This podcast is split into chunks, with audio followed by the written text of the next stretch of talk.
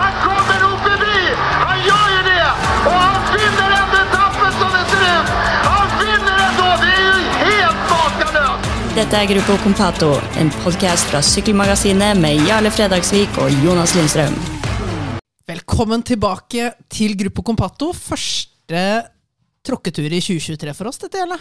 Ja, det kan stemme. Når var det vi var i studio sist? Nei, Vi var vel det var før jul en eller annen gang. Ja, det var uh, Jumbo-Visma Development Team. Det er helt sant.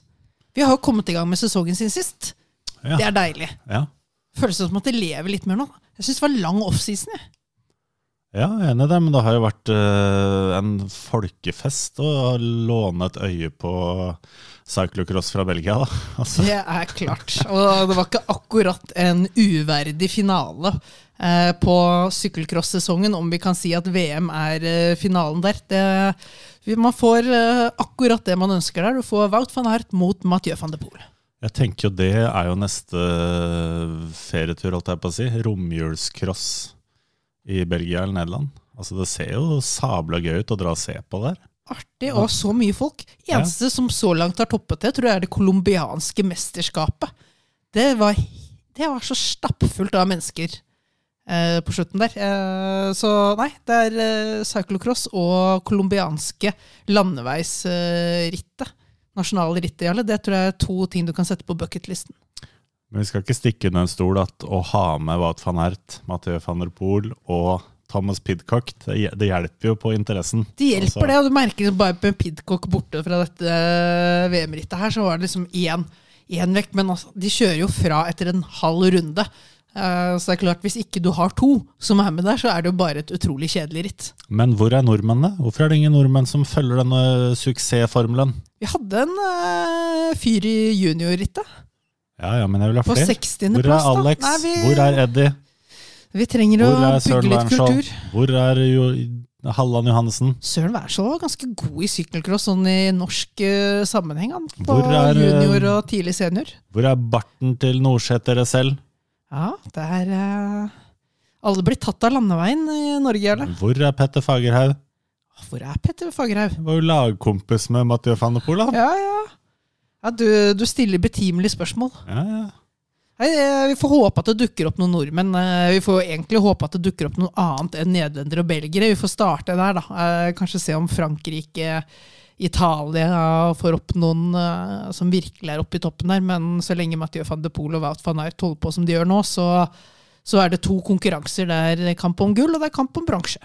Kan jeg nevne at uh, Jørgen Nordhagen ble nummer seks i uh, junior-VM? Ja, ble du skuffet? Nei. Jeg syns det var kjempegøy. Han gikk jo et mye bedre NM-løp enn han gikk VM-løp. Så flott han går på ski. Ja, Du blir litt inspirert? Jeg, syns den konkurransen var dritkul. Altså, Ja. det, var, det var unge gutter, de ga fullstendig jernet. Og han finnen som vant, han var jo bare altså sånn assassin som du bare er i de finske skoger. Og så begynner han å showe litt før han går over målstreken og slår nordmennene. Jeg syns det var helt fantastisk. Ja, og Nå Eh, hoppa du raskt over til langrenn her. altså For de som ikke henger med her, Jørgen Nordhagen er jo et fantastisk sykkeltalent. Men, men, men går litt sånn junior-VM på si i langrenn. Ja, ja. Ja Som en sånn liten bigekjeft. Og kompisen hans, da, Lars Heggen, som Ja. eh, tok sølv. Nei, da, jeg bare synes at altså, Vi følger jo han med litt over middels pluss interesse. så Ja, Det er vi- faktisk. Vi bør jo nevne. Vi kan jo nevne at uh, Søren Wernskjold har åpna 2023-kontoen. Han åpna sin egen konto. Han eh, er vel eneste som har åpnet den norske kontoen også. Så meget uh, solid. Vi har jo etterlyst litt at Søren Wernskjold eh, viser seg fram i proffsirkuset. Han har vært eh, ekstremt god i U23-ritt, eh, tatt sine store skalper der, men har eh, foreløpig hatt litt problemer med å slå gjennom i eliteklassen. Eh, henger jo litt sammen med en kyssesyke eh, inngangen til fjorårssesongen, som satte han litt tilbake der. Men eh, artig å se at han bare tar, tar det steget nå, ut av U23-klassen. Voksen, klinker til, tar en seier. Og så er det en helt umerittert uh, sykkelblogger, uh, økonomisk controller, som har vært ute og rasla med sablene i, i retning av Uno X via NRKs nyhetsportal. Det var voldsomt. Det er ikke ofte det blir, uh, blir mediesaker på min, min harmløse tvitring. Men denne gangen ble det jaggu det. Måtte, Jens måtte svare for at de sender ut noe X ned til Midtøstenland og, og deltar uten eh, at det egentlig er særlig mye prestisje å vinne der nede. Men han eh, er ikke så taletrengt via sosiale medier lenger. Nei, han, eh, han er taletrengt der det passer han å være taletrengt. Det er vel mer solsiden av businessen som blir belyst enn skyggesiden. Men det var jo litt synd, da, for nå har jo UnoX fått Tour de France-billett, og vi hadde tenkt å ha med noen av de i sendinga her, men nå er det jo ingen som har lyst til å samarbeide med oss. Så tenkte du på Gruppo Compatto oppi Nei, det hele når du Jeg, satt, jeg brenner satt der som alle en, broer. en moderne tastaturkriger og kasta eder og galle over no norsk sykkelsports nye flaggskip? Nei, det er brente, de brente Brente broers taktikk eh, med å døpe dem til. Eh, den taktikken, det er jo, det er jo å kutte bånd til alle og, og velge å bli, eh, bli personen man ikke kan assosiere seg med. Det kan jeg leve godt med. Jeg lever veldig greit med det. Men hva skal vi gjøre i dag, da? Har, du, har vi et intervju med Altså, Nora Brogstedt? Eller altså, hvor, hvor, langt, nei, nei, altså langt ned på lista har vi havna? det er jo en grunn til at vi er to stykker, Jarle. Så det er jo jeg kan ta liksom eh, krigen, og så kan du good cop, bad cop. Du har nå vært good cop, og så vi kommer til å få en prat med Kurt Asle Arvesen i løpet av uh, sendingen her. Jeg er alltid good cop. Nå sa du liksom 'nå har du vært good cop', men jeg, jeg er Ah. alltid good cop. Nei, Jeg det- er from og snill og god og høflig via sosiale medier. Er det, er det Altså, det faller på sin egen urimelighet, Jarle. Alle som har fulgt deg på sosiale medier, skjønner at dette er gærent. Men er det den rollen du har i barneoppdragelsen også? Er det du som er good cop, eller er det kona som er det? Er det bare fordi jeg ikke liker Lars Bom? Altså, du, Det er flere du ikke liker, Jarle, og det, det skinner igjennom. Ikke, ikke blande mitt private og min familie nå. Du har fått deg kjæreste siden sist. Hva jo- skjer der, da? Du sier aldri Du sier jo at du er alltid er good cop. Nei, skal vi, skal vi komme oss videre på det profesjonelle? nei, nei, nei. Kjæreste siden sist. Hva skjer der, da? Det går bra. Ja. Ja. Det går Det dundrer av gårde som med, med Uno X-laget. Det er eh, oppover, bygge et imperie. Det blir bedre og bedre, det. Jeg hørte at dere har booka ferietur til Dubai. Nei, jeg, jeg ikke kunne sett Saudi-tour engang heller. Jeg måtte faktisk nå si at eh, jeg ser ikke på disse bildene av eh, syklister som tråkker rundt i ødemarken. Nei. Jeg jeg, Jeg vet ikke om det var så veldig stort tap. Det hadde vært liksom fint å se finalen hvor Søren Wærsvold vant sånt, men uh, ja. Vi får, vi får se neste gang han vinner. Jeg kikka litt når de var inne på disse gravel-sektorene, men det var ikke det helt store. Det var, det var en eh, rytter som punkterte. Var det gravel-sektor som i ordentlig gravel, eller er det bare liksom snakk om at de ikke børster vekk sanden fra ørkenen som blåser over veien? Nei, altså det var jo Det så ut som det var i Arizona, liksom. Altså midt Ja. ute i ørkenen, også med noen sånne primitive jordgrotter ved siden av der. Så det var sikkert noe på en eller annen Unesco-liste som skulle vises fram, da. Ja. Så lå det også sånne fartshumper her og der som rytterne måtte ta sånn eh, kenguruhopp over. Så. Men det leverte ikke. ASO prøvde å dra i gang noe fett, men det, det funka ikke. Det funka ikke. Nei, nei.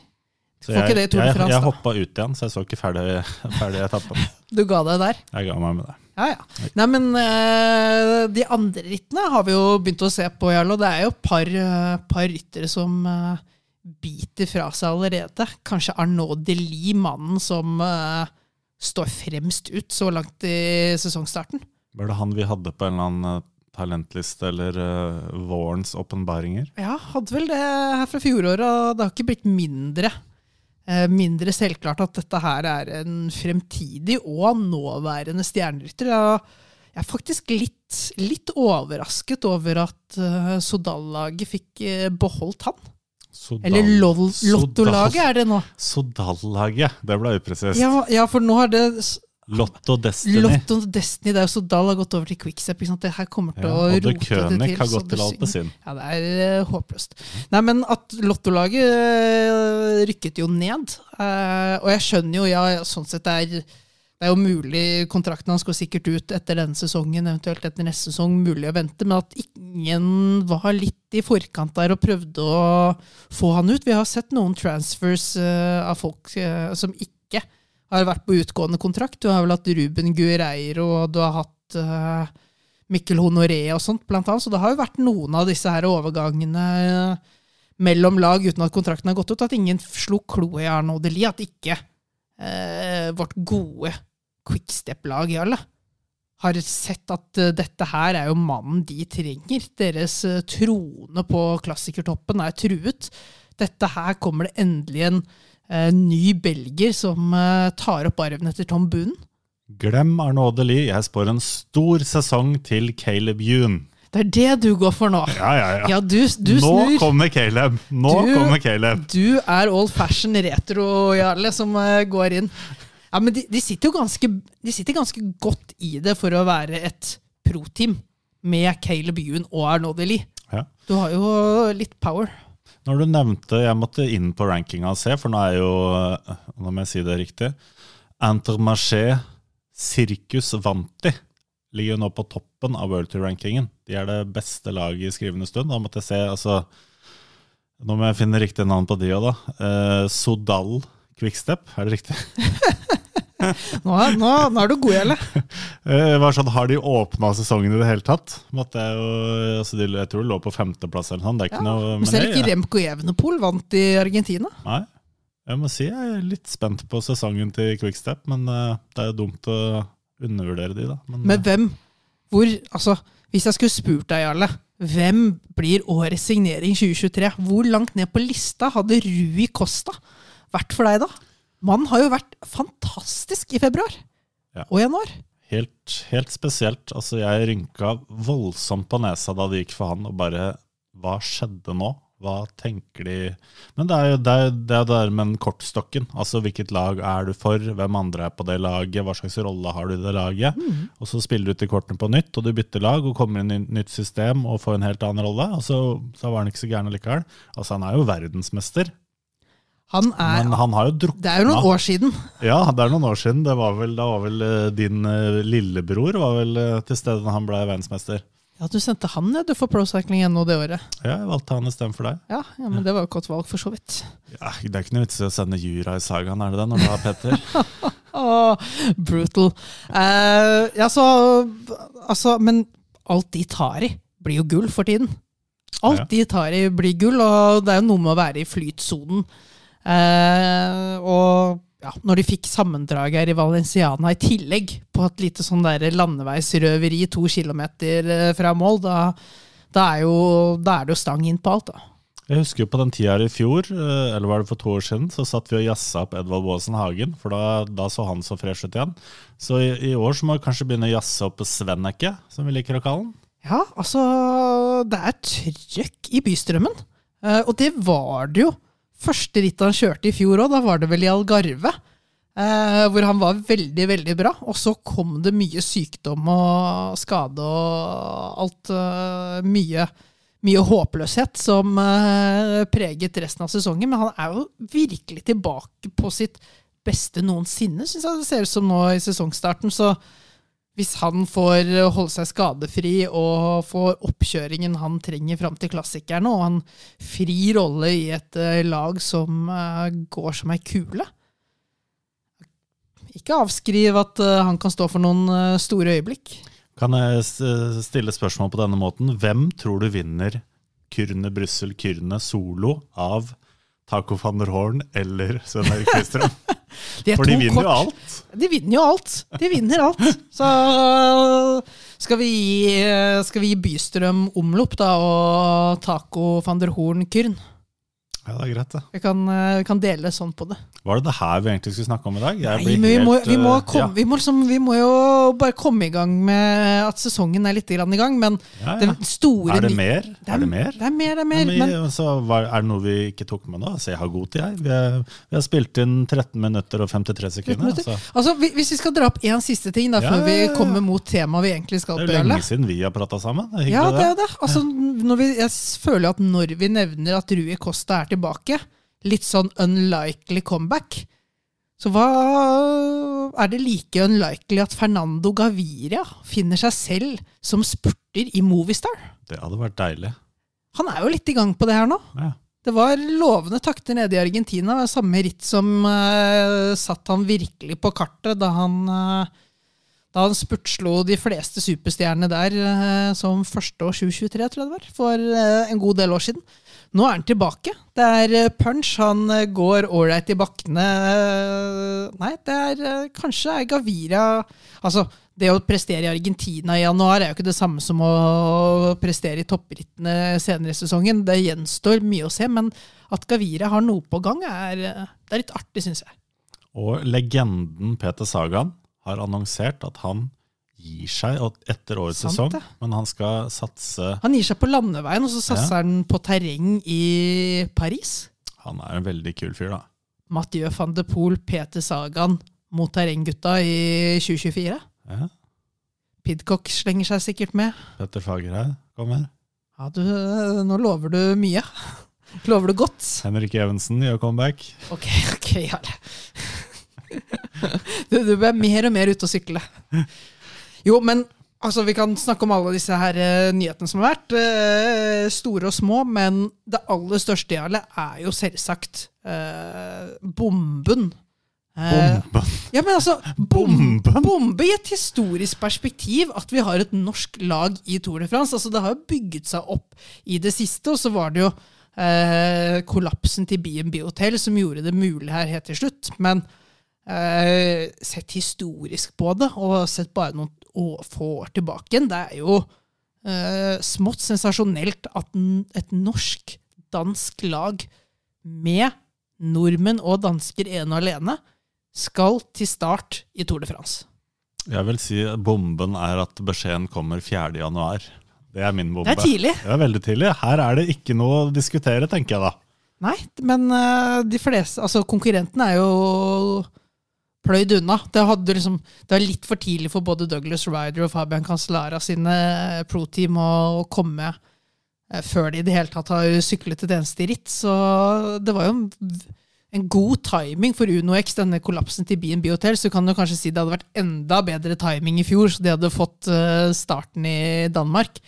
Men Nei, det, det er jo Det er jo et utrolig løft for hele norsk sykkelsport. Det er jo etter noen litt magrere år hva gjelder etappeseiere i Tour de France, er jo dette her eh, det neste steget. Dette er på en måte den barrieren Det er denne og kampen om gul trøye da, som er barrierene norsk sykkelsport kunne bryte, som på en måte skaper stor nok oppmerksomhet til at jeg tror du får et løft for hele idretten her. Så jeg forventer jo fantastiske ringvirkninger av dette her.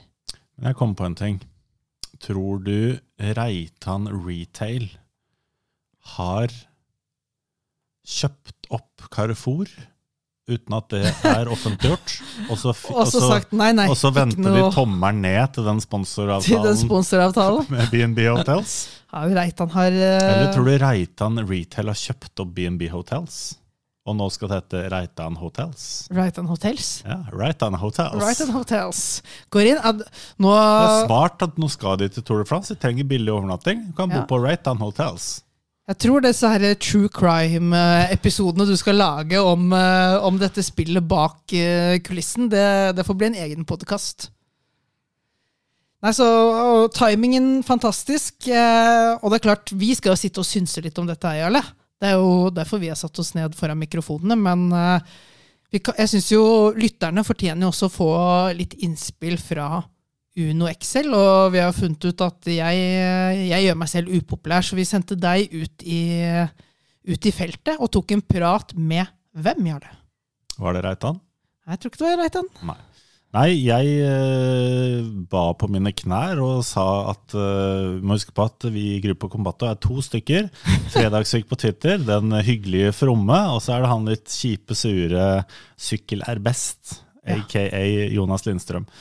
Så eh, Kurt Aste Arvesen sa ok, under tvil så kan jeg snakke med dere. Nei, han sa ikke det, han var veldig hyggelig. Det var ikke noe problem Han er for han å problem å Nei, det var ikke noe problem å, å få han til å stille opp, så jeg prata med han eh, litt tidligere i uka. Vi kan jo ta en, eh, en lytt, som det heter. På, eller vil du si noe mer? Ja, det er et ordentlig godt intervju, så den neste halvtimen her, det blir, det blir verdt å lytte på. Så kommer vi tilbake igjen og synser litt rundt det Kurt har sagt. vi. Da kan jeg si velkommen til gruppe Gruppo Compatto, Kurt Asta Arvesen. Takk for det. Eh, Er det riktig å si at du er en eh, trofast eh, lytter, eller eh, hvordan eh, står det Henger henger det sammen der? Jeg ser og hører på alt av eh, sykkelmedia som, som skjer i Norge, så, så det, det kan du tro. Jeg har hørt rykter om at vi har vært på eh, i en følgebil under Arctic Race, stemmer det? Ja, det stemmer, eh, stemmer det. Da var, var det, det var jeg og Gino som satt i bilen, og da hørte vi på eh, når du prata med Alexander Kristoff. Ja, kult. Og apropos Alex, da, så debuterer jo han for eh, Uno X-Pro-søkning i dag. Det er jo litt tøft. Ja, det er flere som debuterer, bl.a. Alexander Kristoff, som kjører i, i Spania, i Valenciana. Men det som vi egentlig skal snakke om her i dag, eh, Kurt, det er eh, Tour de France, litt veien til Tour de France. Første nyttårsdag eh, melder Jens Haugland at han blir oppringt av Christian Prudhomme. Billetten til sommerens Tour de France er i boks. Hvor lang tid tar det da før han ringer deg? Nei, Det tok ikke så lang tid, men det som var så rart, det var jo at vi fikk noen kryptiske meldinger allerede på julaften. Så, Ok. Så vi begynte å spekulere på hva det var, og vi trodde jo at det var Tour de France-billetten som skulle komme, komme da. Men eh, det, det lot vente på seg, og Jens ble oppringt eh, eh, første nyttårsdag. og Da, da sto jeg eh, og spiste en pølse, pølse på YX eh, på Biri på vei eh, ned etter jule- og nyttårsferie. Så, mm, så da han, kunne han overbringe den, eh, det budskapet. Og det var jo, det var jo en vill opplevelse. Jeg har jo sjekka litt sånn historisk. Det her pleier å skje en gang i midten av februar. Jeg har aldri hørt om at de har eh, levert ut wildcard så tidlig på året. Har dere fått noen forklaring fra ASO om eh, hvorfor det kom så tidlig, eller var det bare at dette var bankers? Det var nok bankers. Jeg tror nok det var det. Jeg stemmer det. I fjor har satt med sammen med Leonard Snokes i, i Oman da, da beskjeden kom. Det var det eh, ute i februar, ja. Så, mm, men eh, med BNB-kollapsen eh, der og eh, våre sportslige prestasjoner, så jeg tror ikke det var noe tvil. og eh, så da kunne de eh, kanskje bestemme seg tidlig, og det er jo bra for oss. Kan ikke du bare ta oss litt igjennom hvordan det der foregår? Det er altså noen lag som kommer inn basert på poengene de har kjørt inn, som er pro-team, sånn som dere. Og så er det var vel to stykker nå som ble liksom invitert fordi arrangøren ville, ville ha dem der. Hvordan, hvordan funker det systemet, hvordan har dere ligget an på, på rankingene som, som avgjør det her? Ja, Vi ligger godt an på rankingen, men uh, ikke godt nok. Generelt så er det jo vanskelig for Grand Tour-deltakelse for, uh, for lag som ikke er italienske, franske eller spanske. For det, eh, de frikortene som arrangøren kan bestemme å gi ut, det, det går ofte til, til nasjonens egne lag. Og Derfor er det utrolig vanskelig å kvalifisere seg for, for, eh, for oss, selv om kanskje jeg i, i fjor sportslig sett var, var kvalifisert. Jeg tenker nå fram mot den neste, nå er det jo tre år da, til de skal dele ut nye lisenser. Uh, dere har henta inn Kristoff. Og regner med at dere har mål om å klatre enda høyere på europarankingen. Er det en vei for dere å, å kvale inn til Grand Tours i, i framtida? Altså fordi dere har retten til å være der? Ja, da, Hvis vi er blant de to, to beste pro-teamene, så, så har vi jo rett til å velge, velge Grand Tours. Så, så det er klart målet for oss at vi, vi bygger det her stand for stand. og Kristoff er en, en del av den pakka der. Kjørte inn eh, over 2000 UCI-poeng alene eh, i fjor. Altså Det var omtrent det hele laget ditt kjørte inn. Ja, nettopp. Han er jo i topp ti i verden og Norges beste syklist. og Godt, eh, godt likt kar som, som, som vet hvor skapet skal stå. og Han kan føre mye godt, godt med seg blant de syklistene vi har- på laget nå. uh, vise vei for, for andre norske og danske syklister som, som er eh, i vurderingsprosessen om, om de skal takke ja til tilbudet av oss eh, til neste år f.eks. Jeg tenker jo for dere som eh, jobber for et eh, massivt eh, norsk sykkelprosjekt som UnoX, er det umulig å ikke begynne å tenke på Tour de France. altså Enten om du føler at du er klar eller ikke, så, så blir det på en måte en del av, av, hypen. Når var det du begynte å skjønne, altså bortsett fra hintene du fikk i, i jula, at, eh, at, dere faktisk satt inne med, med, gode sjanser for å bli med denne gangen?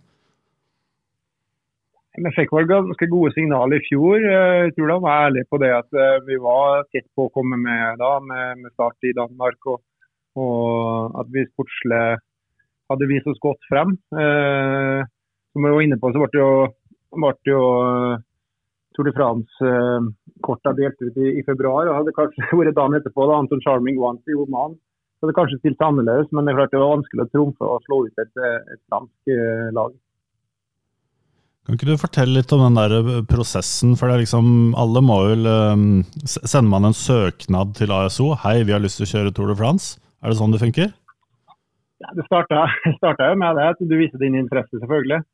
Eh, eh, men det er jo, det er jo sportslige kvalifikasjoner og med å vise det nå gjennom det vi gjorde senest i fjor. Eh, at vi, vi, vi, kan gjøre oss gjeldende på den store scenen. Og, og, det vi gjorde i løpet av vårparten i fjor, og Catalonia og ikke minst i Dauphiné med Tobias i, i hvit trøye der. Så, og topp ti i sammendraget, så, så, så, er vi sportslig kvalifisert.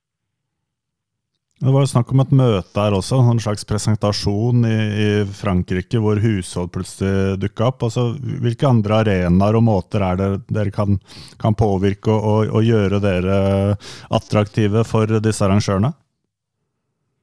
Nei, Som du sa, så er det jo vanskelig for oss utenfor eh, de eh, latinske landene Italia, Spania og, og Frankrike. og og kvalifisere oss, for at de har noe egeninteresse for det, som skjer i de landene der. og Det, det er jo full forståelse. De, de, vil jo støtte sykkelsporten i sine egne land. Eh, men det, det hjelper oss i hei og hå, oppføre oss ordentlig og, og, og smile og, og ikke minst sykle fort. Det er vel riktig å si at sånn, litt sånn um, taktisk sett da, så har dere retta deres eget fokus mot Flanders Classics og ASO. Da selvfølgelig Brosteinsklassikerne og Tour de France uh, er en viktig del av deres virksomhet. da. Så har du en annen konstellasjon med, med RC Sport, Giro d'Italia, Mirado San Remo og Strad Bianche. Så langt har det ikke kommet foreløpig, er det, er det sånn å forstå? Eller det har ikke vært så veldig mye fokus i den retning?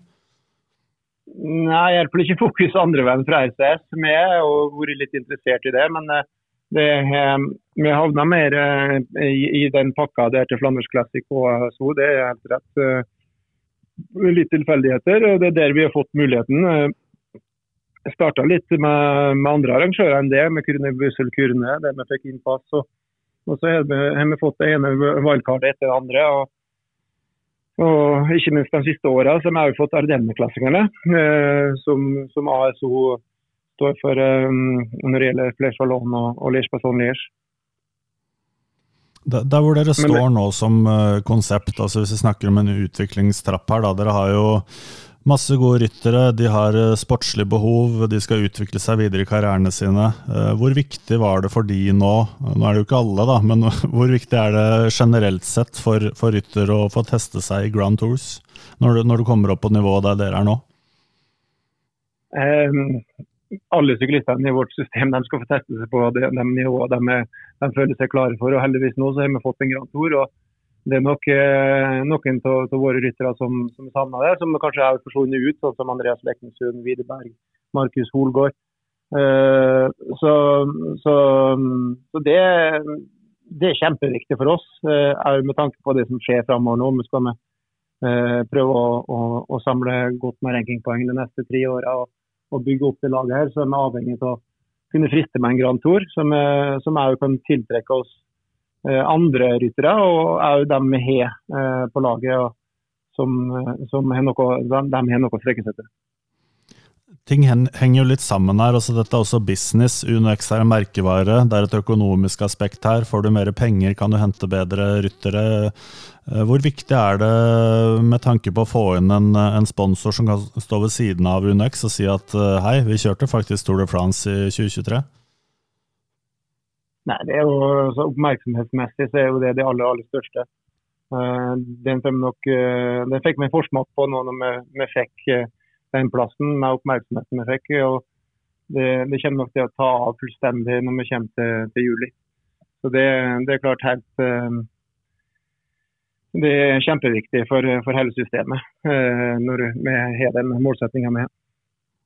Jeg så det gikk ut en pressemelding i etterkant der også, som nærmest var et slags frieri til sponsor. Sånn hei, vi, vi, har, en, vi har, en, ledig plass her. Da, øh, jeg føler dere er ganske åpne med, med måte, strategien der og, og ønsket om å få inn enda mer øh, ja, skal vi si kapital, eller få flere til å hoppe på det norsk-danske sykkeleventyret? Ja, jeg vil si at det er en håndsrekning. Det er jo en en gavepakke til, til, store firmaer ute som vil profilere seg. Eh, nå, har UnoX tatt, eh, tatt regninga med å, å, bygge opp til uh, bygge, bygge, opp til den festen her. Og så, og så er det fri, frikort når, de kommer til stykket. Så, så jeg blir overraska om ingen ingen bit på det. Hva tror du det har å si for den rekrutteringsdelen av det? Altså, dere fikk jo Kristoff til å signere uten å kunne garantere Tour de France. Eh, men dere har sikkert også vært i andre diskusjoner hvor at ikke dere kan eh, vise fram en World Tour-lisens, eller si at vi er eh, automatisk kvalifisert for en, en, Grand Tour. Hvor viktig er det når dere nå skal ut igjen på markedet og, og snakke med attraktive ryttere? Kjempeviktig for rekrutteringen generelt. Uh, unge norske håpefulle vil ha noe å se opp til. Vi kommer til å få en helt annen oppmerksomhet. Det kommer til å altså et par uh, vi skal, vi skal kalle det labre, labre sykkelår sånn generelt i, Nor uh, i, Norge. Etter at Tor Hushovd og Kristoff og Edvald herja i Frankrike, så, så har det kanskje vært litt sånn, en liten dupp. Det her vil, det vil snu fullstendig. og Folk vil få en helt annen forhold til, til, til sykkelsporten. og de som står her med valget mellom å velge skøyter eller langrenn, vil velge sykkel fremover. Og, og med det du nevnte der, med å være attraktiv for, for unge norske allerede etablerte proffer på utenlandske lag, er klart, klart viktig. Jeg vet ikke om det her var før eller etter champagnelunsjen i Paris, men Jens Haugland har jo lista opp Tobias Foss, Andreas Leknesund, Jonas Iversby Widerberg, Eh, ting endrer seg hele tida. Vi endrer målsettingen når vi har nådd målene. Nå er målet å bli et World Tour-lag etter hvert. og Da er det helt klart at vi, er avhengig av å ha et robust nok lag. Hvis du, som du nevnte tidligere, har mer CS-pakker. Hvis vi skulle kjørt i parallelt løp eh, som vi skal gjøre i Frankrike, i Italia, så er vi avhengig av de aller, aller beste eh, danske og norske rytterne. Eh, og Det er ikke en enkel oppgave for oss å bygge opp et World Tour-lag Eh, fra Norge og, og kunne rekruttere fra de landene der. Eh, samtidig nå så har vi andre pro-team som satser hardt. Eh, Fabian Cancellara, Douglas Ryder. de rekrutterer fra hele verden. Så, så, hvis vi skal klare det, så er det, så er det nå.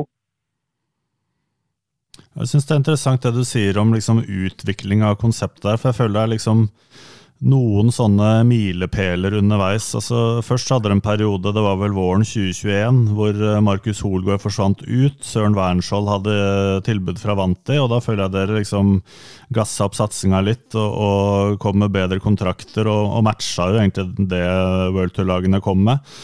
Uh, og så neste år, da, eller i fjor, så henter dere jo Alexander Kristoff med tanke på, på, årets sesong, og nå snakker de om å hente nye norske World Tour-proffer. Det er litt sånn at uh, veien blir til mens man går, og, og, det har jo vist en veldig offensivitet, det prosjektet her. da, så Det starta opp i, i, 2016, og nå er vi i Tour de France. Hvordan syns du den uh, prosessen der har vært?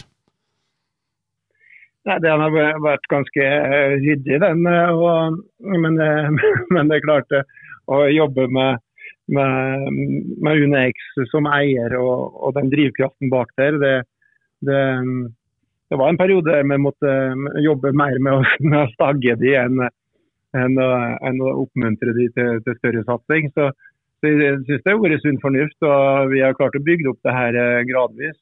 etablert et godt system. Alt alltid fra dem som sitter på kontoret til dem som eh, håndterer det som skjer ute på, ute på, på ritt når startnummeret finnes på. Så det er en helt naturlig utvikling, det. og Vi så over det når vi ikke klarte å beholde de. og det, ønsker dem eh, god tur ut og velkommen tilbake. De som ikke slenger, smeller med døra, de er alltid, alltid velkommen tilbake til oss. Eh, og det er litt sunt da, at vi har flere nordmenn i, i flere systemer. Der hvor dere er i dag, da, med den stallen dere har. Nå, nå, blir det Tour de France til sommeren. Du vet at fokus fra media vil være etappeseier, etappeseier, etappeseier. Uh, dere har nok sikkert også et ønske om å kjøre ned en etappeseier, men du veit jo veldig godt at det er vanskelig.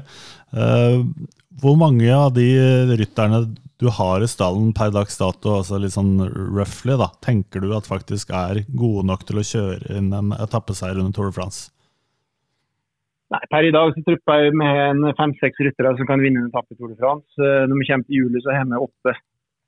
Og til neste år så har vi 15, og da kan vi, kan vi begynne å velge. Så det er klart, eh, Når jeg klarte å vinne en etappe i Tour de France, så er det mange som kan klare det. du drar den, ja. Det, nå er det jo selvfølgelig vanskelig å ikke snakke om uh, Alexander Kristoff. Han har jo vært med der framme og, og kjempa i, i, spiss av Tour de France-feltet, uh, i hvert fall på de, på de, flateste og kanskje noen av de lengste etappene.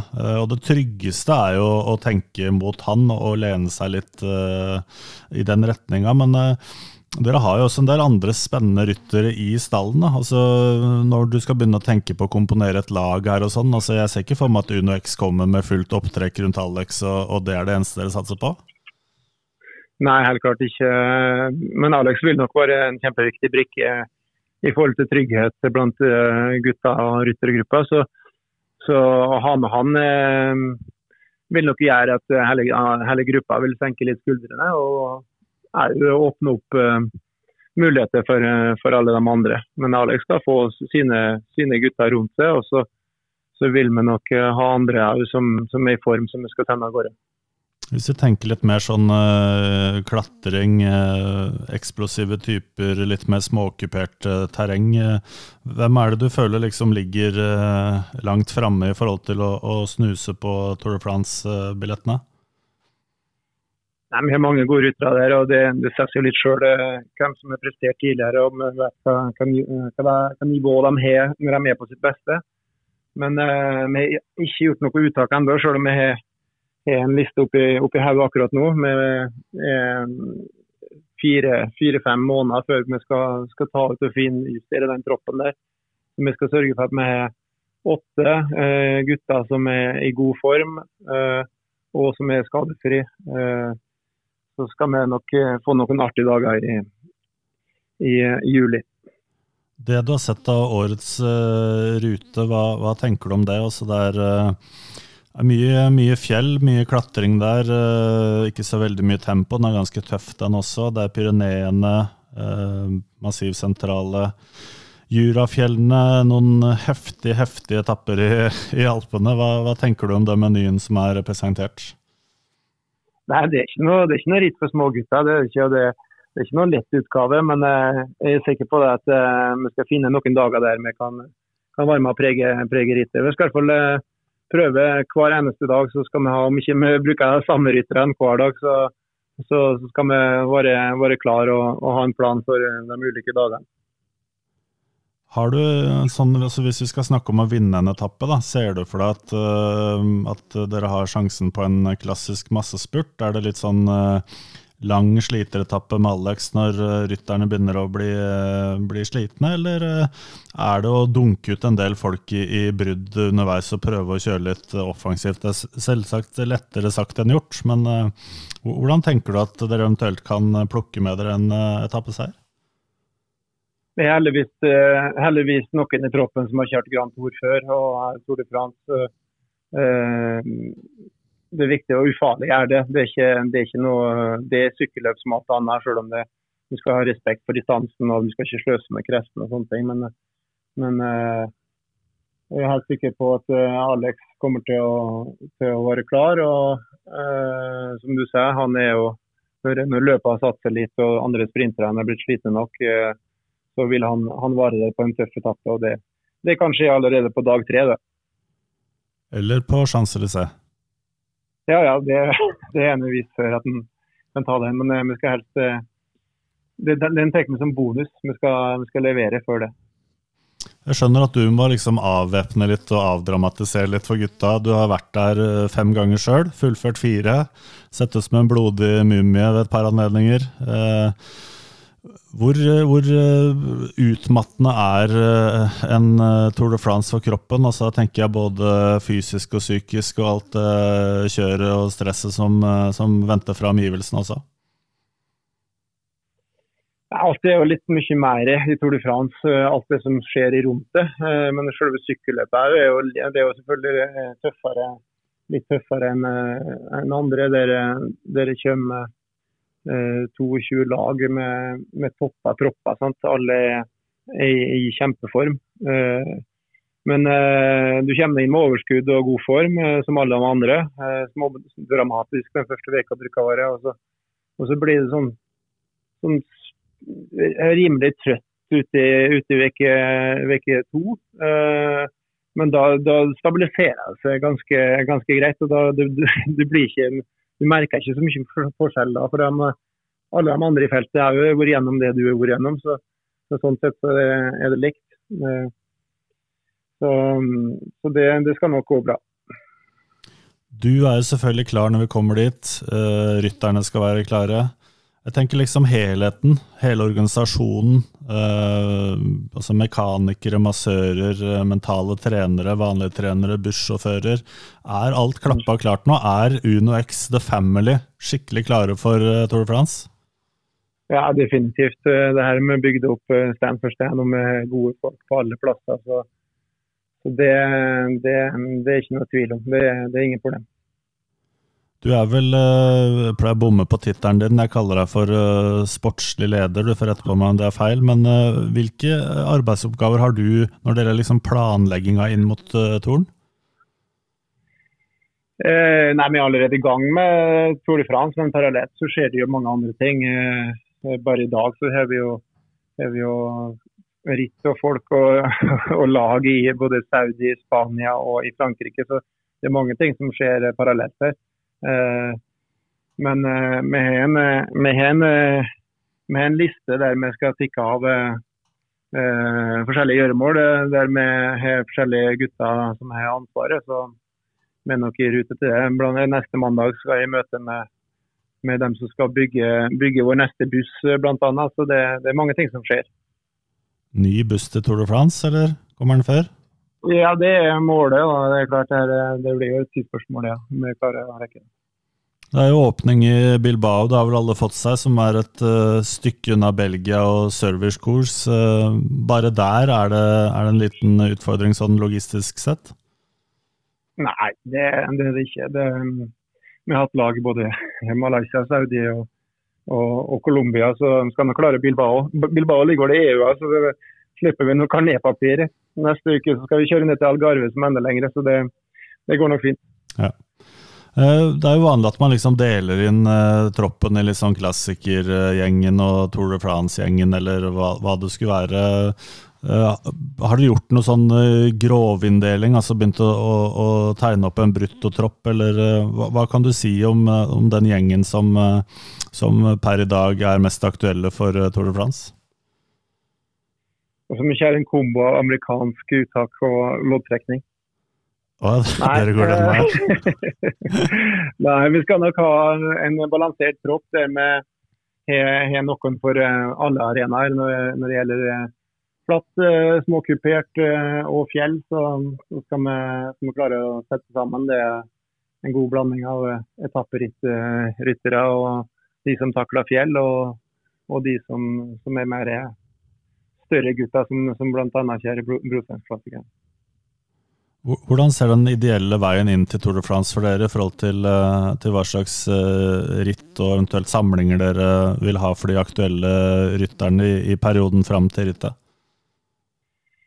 Ja, Det var jo bra å få den, eh, den bekrefta ganske tidlig, den Tour de France-billetten. For da kan vi nå legge de planene der. Det blir ikke noen store justeringer i altså før vi er ferdig med Brosteinsklassikerne for én gjeng, og før vi er ferdig med Ardenner-klassikeren for en annen gjeng. Det som blir i grovtrekk eh, endringer, er at vi tar ut noen av eh, en periode i mai der, eh, der vi vurderer en høydesamling. I hvert fall en, en, en periode der uten, uten ritt for å, for å, kunne justere belastninga med, med, trening istedenfor at de er ute og, og kjører ritt hele, hele, perioden. Du er litt interessert i Alexander Kristoff. Han sykla jo over 14 000 km i fjor, 81 rittdager. Kjørte inn kassevis med poeng, og jeg veit at han liker både å trene mye og kjøre mange ritt. Men har dere en tanke om å kanskje tone ned litt av eh, totalbelastninga rundt Alex, sånn at han eh, kan komme litt fresh inn i Tour de France denne gangen? Eh, ja, du skal prøve å gjøre det optimalt. Det tror jeg de prøvde i vondt i fjor òg. Det er klart Han skal kombinere det her med, med familie og, og profflivet. Eh, nå er han proff, og han er, han, det er en vist allerede på de to sammenhengene han har hatt. at Han vet hvor lista skal ligge. så så jeg er ikke noe redd for det. Han eh, er utrolig løpsvillig og vil gjerne kjøre mange ritt. Eh, men det kan godt hende at eh, vi kommer til å justere litt i forhold til det han gjorde i fjor og de erfaringene han gjorde seg da. Men vi har en god dialog med, med både gutten sjøl og ikke minst Stein Ørn, så skal finne en god plan på det. Det ryktes allerede at han skal hoppe bukk over Het Noisblad. Kan du bekrefte det? Nei, det kan jeg ikke bekrefte. Han skal nok kjøre både Het Newsblad og Kurne i åpningshelgen. Ok, høres bra ut. Eh, du sa jo at i stad det var en vill beskjed å få at dere skulle til Tour de France. Eh, kan du si litt hvordan eh, rytterne tar imot en sånn nyhet når de er ute på samling allerede? og ja, er det, er, det, er det vill trening som gjelder allerede, eller hvordan har liksom ryttergruppa respondert på denne utfordringa her? Altså, vi har aldri trent bedre enn vi har gjort i år, både før og etterkant av den beskjeden der. Men det er klart det inspirerer jo rytterne, og de ser det er mulig i vårt lag og kjøre Tour de France. Uh, men det inspirerer òg staff, mekanikere, massører, sportsdirektører og trenere. Klart, nå skal vi være med opp og vise oss fram på en øverste scene. Ja. Og, og, Det som er så artig, er at mange av dem som er hjemme hos oss ennå, de, de var jo dem som takka ja og var med på eh, bakgårdsritt i Øst-Europa. ja. Du, du, har jo vært der både som, eh, som, utøver selvfølgelig og som sportsdirektør for, eh, for, Sky. Hvor mye gleder du deg til å reise ned som sportslig leder for et norsk på å si World Tour-konsept? Jeg skal ikke si det enda, men et norsk profflag? Nei, det blir det er utrolig stas å få være med på det. Men nordmenn. Vi har hatt eh, mange norske utøvere i Tour de France, men på utenlandske lag. Nå, nå har vi plutselig vårt eget eh, lag, og det, det, det, er kjempespesielt. Etter det var seks år siden så fikk jeg pressemelding om at du og Leonard Snooks eh, var på vei inn i ledelsen i Uno X Hydrogen Development Team. Og der var Hans Christian Rudland, Torjus Sleen, Syver Wærsted, Torstein Treen, Jonas Abrahamsen, Sondre Kristiansen, Christian Kulseth, Audun Brekke Fløtten, Lars Saugstad og Cedric Ullebø var rytterne. Mm. Og noen av de på lista her kan jo fortsatt være aktuelle for Tour de France-plass. Sånn som du var inne på i stad. Hva, hva, tenker du om, om, det du har vært med på, den eh, prosessen her eh, tilbake til 2016? Nei, det var ikke det her, det var ikke det her jeg signerte på. Men det er klart det, uh, det sa vel det VM blir til mens vi går. Og nå er, vi, nå, er vi, nå er vi der at vi skal starte i Tour de France. Det, det er ganske vilt å tenke på. ja. Uh, spesielt for oss som har vært med og ført opplegget uh, så tett på og vært med og bygd det opp. Kan det være at du undervurderte herrene Vegard Kulseth og Jens Haugland fra starten av det? jeg tror ikke de to eller hadde de planene som vi legger oss ut på nå. Så det tror jeg har blitt til litt, eh, litt, etter hvert, eh, når vi ser at det, ser at det har vært mulig. Du, Kurt, tusen takk for at du var med i podkasten vår. Eh, lykke til med alt som skal skje, også seinere i dag. Og så gleder vi oss veldig til å følge dere på veien videre inn mot Tour de France, og selvfølgelig å se dere i, i Spania og Frankrike når vi kommer til juli måned. Takk for det. Takk skal du ha, Kurt. Det var Kurt Asle Arvesen, uh, Jarle. Og en offensiv Kurt Asle, føler jeg. Eh, han har jo tidligere sånn i prosessen her, han var jo litt inne på det intervjuet også, at Eh, periodevis eh, i denne Uno X-historien så har jo han måttet være litt bremseklossen eh, som eh, holder igjen.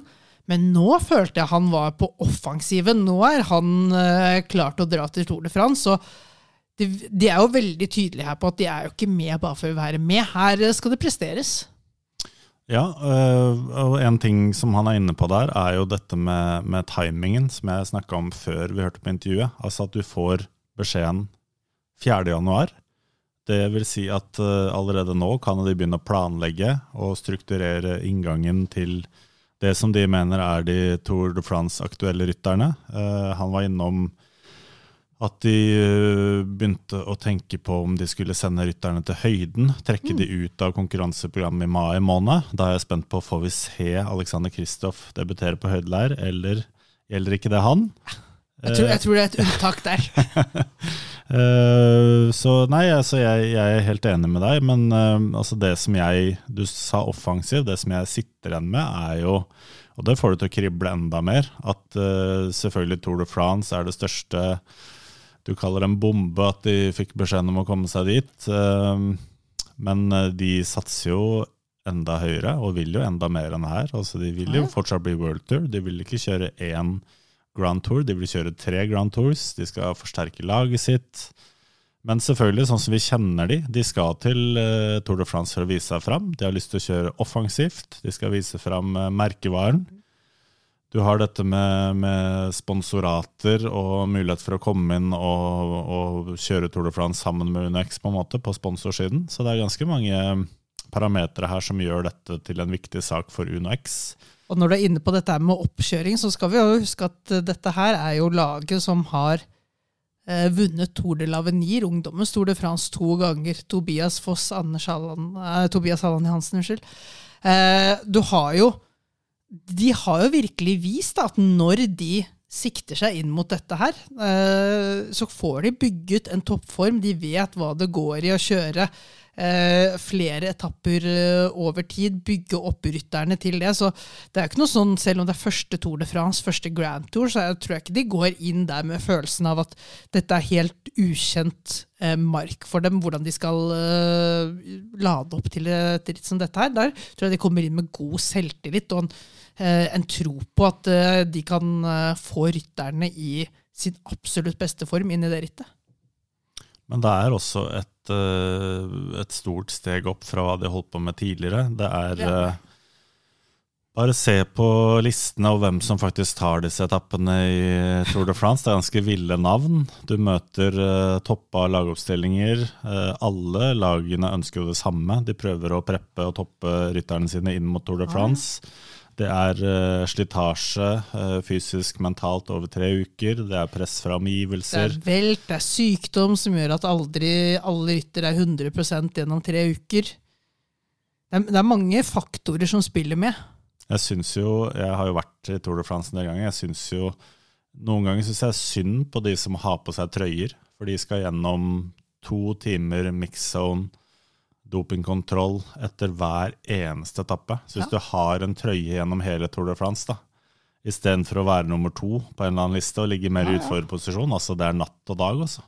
Ja, Buss, lagbussen kjører jo videre, så kommer det en sånn eh, en av sognørene som liksom henger igjen og venter på han som har Plukker det opp. Som har trøya. Og det er jo flere hundre akkrediterte journalister som skal liksom lage sine historier uh, uansett. Og hvis du har da det 14. intervjuet på rad med Mark Cavendish, altså du må jo spørre om et eller annet, eller ta deg i Pogacar. Altså, det er jo derfor det kommer noen litt sånn rare spørsmål og saker fra pressesenteret innimellom også. Du, ja, ja. du har aviser, podkaster, TV-sendinger som skal fylles. Det er gigantisk opplegg. Eh, hele Tour de France. Det, det, blir jo veldig nytt, samtidig som uh, Kurt var inne på det. De har jo noen som har kjørt Grand Tours tidligere. De har uh, erfaring i, i laget på ledersiden rundt dette her. Men og det er jo her det er så spenningen er. Hvor er det Uno X står? For altså, sportslig, ja, de har levert bra. De har hatt noen høydepunkter. De leverte veldig bra i Kriterium du Dauphiné i fjor. De var veldig godt framme i Catalonia. Uh, de har sine sider hvor de har vist seg fram. Og så har du også, kan trekke fram eh, på den andre siden, du hadde Flandern rundt i fjor, og du hadde Pariro B i fjor, hvor eh, målet var å være med, selvsagt få noen med i finalen, men også være med i bruddet, det som gikk tidlig på dagen. De kom ikke med i Flandern rundt, og da halve feltet endte i brudd i Pariro B, så hadde de jo bare eh, Resell der framme. Så de har fått et par eh, på snuta i dette selskapet her også. Samtidig som det viser seg fram litt. og Det er der jeg tenker det som blir så viktig for Uno X her. Nå var jo Kurt Asle Arvesen veldig offensiv. Han mente at de allerede i dag liksom hadde fem ryttere som var gode nok til å vinne etapper, og at de kom til å stille med åtte av de åtte de hadde på start, altså som kom til å være gode nok til å vinne etapper i Tour de France. Eh, der har det ikke vært så langt. Eh, og jeg tror jo jeg tror jo de er litt mer sårbare enn det vi får inntrykk av uh, det Arvesen sier. Uh, altså en Alexander Kristoff, en uh, Tobias Halland Johannessen. Jeg tror veldig mye av hvordan de presterer, og hvordan laget blir bygget opp, avhenger av om begge de to kommer til Tour de France i toppform. Og der er jeg veldig trygg på Alexander Kristoff. Og så er Tobias Halland Johansen et kjempe-wildcard i den forstand at det er, en, det er, egentlig en litt sånn elefant i rommet som så mange ikke uh, har pratet så høyt om enda, og det er jo denne skadehistorikken mm. til Tobias Halland Johansen. Uh, og det er jo litt på grunn av at en del av denne skadehistorikken uh, daterer seg tilbake til før gjennombruddet han hadde kommer ut som en uh, joker for de fleste. Uh, tok, uh, tok, oss alle på senga da han begynte å kjøre internasjonalt etter pandemien. Slitt mye med skadetrøbbel før det. Fikk nesten halve sesongen ute i fjor. Og har startet med å stå over noen ritt på starten av sesongen i år. Var det, var det så mye altså i fjor? Altså det var, var, det ikke Han stilte jo opp eh, Det var jo først litt Først så var det jo en tur til Polen rundt med magetrøbbel og det som skjedde der, og så var det Det er jo greit nok, da. Ja, jo, jo, men og så var det Arctic Race etter det, og derifra ut så var det vel ingenting. Så det er jo ikke så langt unna en halv sesong, det. Vi snakker vel fra og med juli. Ja. Så, så, det er jo det er veldig stort spørsmål. Hvilk er Tobias Halland Johansen klar for fight i juli. Og hvilken form er han i? Er Tobias Halland Johansen i sin livsform når det kommer i juli, så har de plutselig plutselig en mann som de må vurdere. Det er en mann som kan kjøre høyt opp i sammendraget, hvis han vil det. Det er en mann som kan jakte klatretrø, om han ønsker det. Eller en mann man kan sende ut på etappejakt på ganske mange etapper. Så der tror jeg liksom det er mye, mye av hva man kan forvente av Uno X, ligger i den fysiske formen til Tobias Halland Johansen i juli. Jeg syns det har vært litt sånn lite konkret rundt skadeproblemene også, som du også var inne på. Altså, fra koronasesongen da, 2020 så skal han ha gått gjennom to kneoperasjoner. Jeg vet ikke hva det dreier seg om. Og han hadde kyssesyke, så da mm. var han jo ikke i manesjen i det hele tatt. Og så var det i fjor høst. Da fjerna han en fettpute under kneskåla. Mm. Og det inngrepet har også tvillingbroren eh, tatt. Mm. Eh, og det som har skjedd nå, er jo en overbelastning i kneet, og det er jo ikke uvanlig for syklister. Nei, det, det, det trenger ikke å være dramatisk greit. i seg selv. Nei, bare, men, uh, jeg, men histor når historikken ligger der, ja. så er det bare Det er liksom greit å, å være klar over. Det er greit å vite at det er et spørsmålstegn. for Eh, det er liksom de to kommer da med Uno X og de andre mindre lagene som deltar i så stort ritt som, uh, som Tour de France. De er avhengig av sine beste, og at de beste er uh, i slag. Og da kan det skje store ting. Se på Israel Cycling. Liksom, de leverte jo to etappeseier i fjor. Simon Clark og Hugo Hoel ja. vant etapper. De på sitt aller beste er der. Uh, når ikke deres beste er i form, så er det et lag som kan gå en hel Tour de France uten at man legger merke til dem. Men jeg føler jo det er jo kunststykket. da. Du må liksom treffe med de etappene hvor uh, av en eller annen grunn så er ikke bruddet er ikke uh, 22 mann, liksom, med fem tidligere etapper i Tour de France, eller Wout van Ert, eh, Pogacar, Vingård holder seg unna for en gangs skyld. Ja. Og, og der eh, har du kanskje også en av mulighetene til UNX. Altså de, må- de har ikke noe annet valg. De må kjøre offensivt. De må sørge for å ha mange folk i brudd. For i tilfelle det her skal gå inn, eller så, så og så skjer, så må du jo være i posisjon. Jeg syns det er spennende det du sier med klatretrøye, for det kan jo være en annen strategi. Altså Du vil gjerne, uansett hvor vanskelig det høres ut, da, og hvor høyt nivået er, så vil du gjerne sette ditt preg på det og, og krafse til deg et eller annet. da.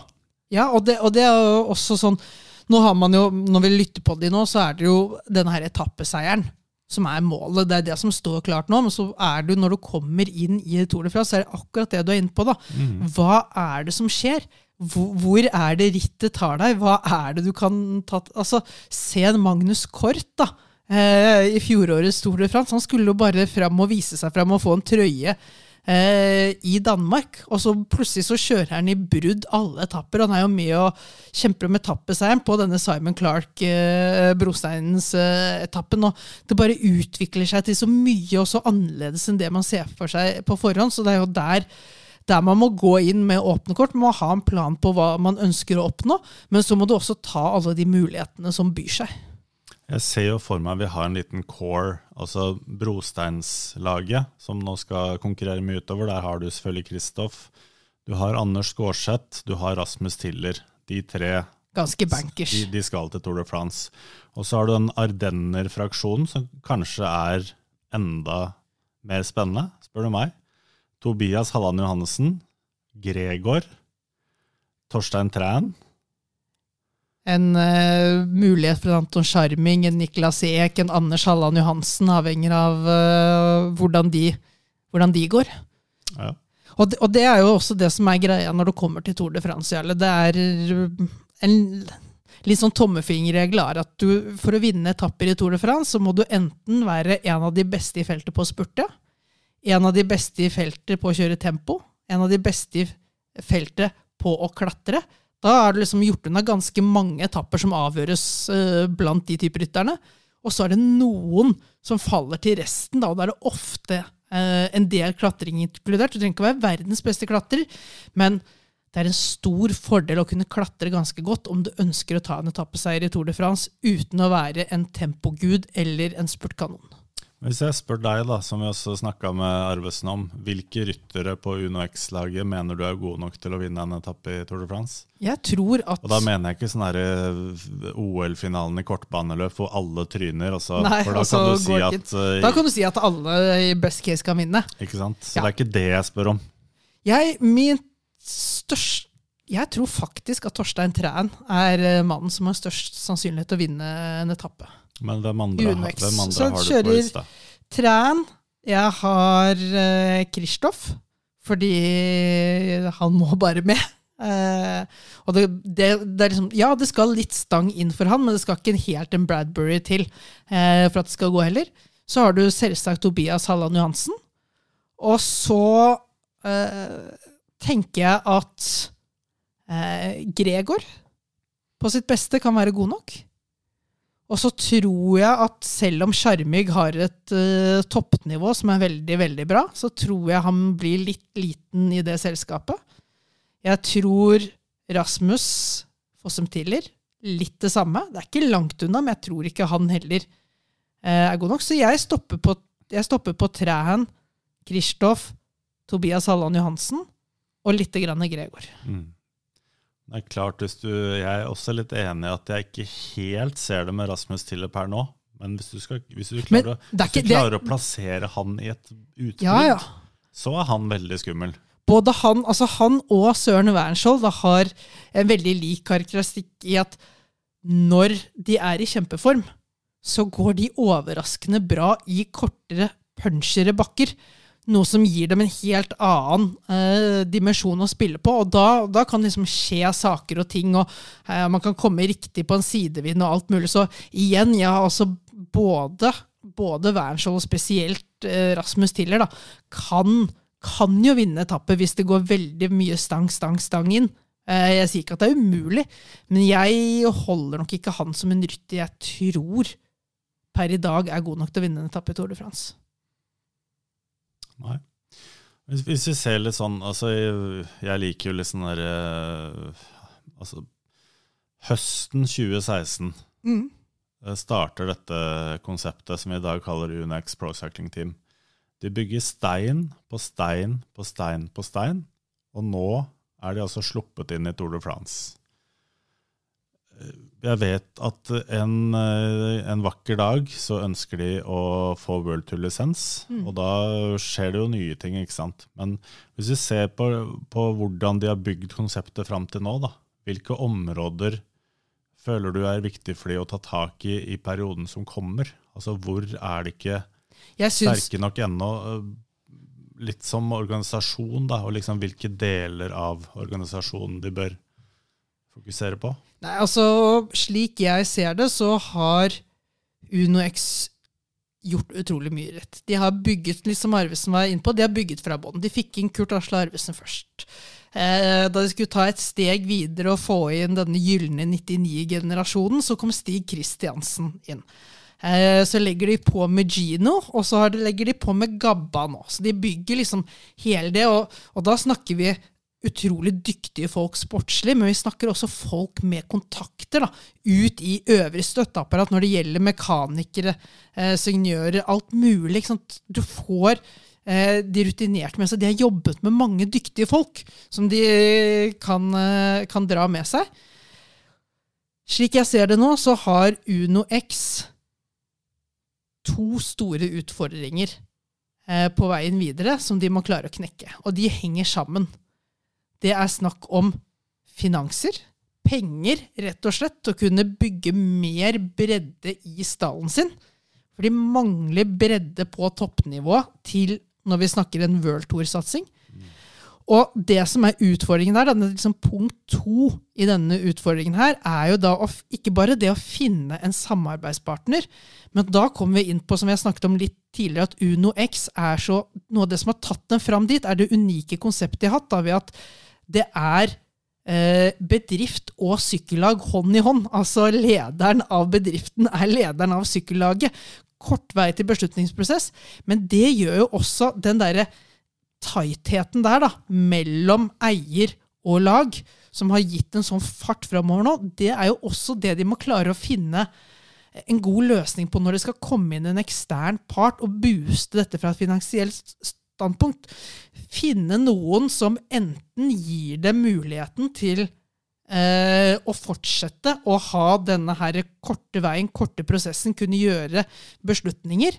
Eller finne måte, altså du må finne måte å skape merverdi for den sponsoren òg. For som en utenforstående sponsor så ville du hatt Stiller de garantert noen eh, spørsmål? Ok, men eh, her er det jo UnoX, det er dere som eier og driver alt. Hvordan blir vi noe annet enn bare en sånn eh, sidepassasjer? Hvordan blir eh, våre eh, ønsker, våre krav eh, lyttet til og oppfylt? Går det på bekostning av den raske, gode beslutningsvirksomheten som har vært, som har fått laget opp raskt oppover trappen nå? Så det er det der å finne penger som ikke svekker noe av det som er styrken deres i dag, da, hvis du forstår Jarle. Det er liksom, De må få inn penger, men for å få inn penger så må man jo også gi fra seg noe. I dag styrer Uno X alt, liksom. De ruller og går, men nå må de få en fot ekstra så på. Klarer de det, så er det jo egentlig en drøm, det som har skjedd nå. Eller? Det at Uno X har klart å komme inn i Tour de France før de har kommet inn i World-touren, det er jo For det er litt sånn høna og egget. Hva kommer først? Er det rytterstallen til å være et World Tour-lag, eller er det World Tour-status som trekker rytterne til laget? Nå har du Tour de France-statusen, som kan trekke rytterne til laget. Hvis du får finansene på plass i tillegg, så bygger du plutselig Vi snakker liksom eh, Kurt er jo inne på det, du er inne på det. Det er mange ryttere her som både har vært i deres system, og som ikke har vært i deres system, som er ute der, og som kan kanskje tenke seg tilbake. Eh, En Iversby Widerberg, en Holger, da snakker vi om å få bygget opp bredden igjen. En Tobias Foss ville jo vært en drøm å få tilbake igjen, men du trenger eh, finansene, og så må du ha det uten at det stopper det der momentumet som laget er inni. Så finne riktig samarbeidspartner. Og det er jo ikke den, eh, Det starta jo ikke nå med Tour de France-plass, de har søkt det i over et år.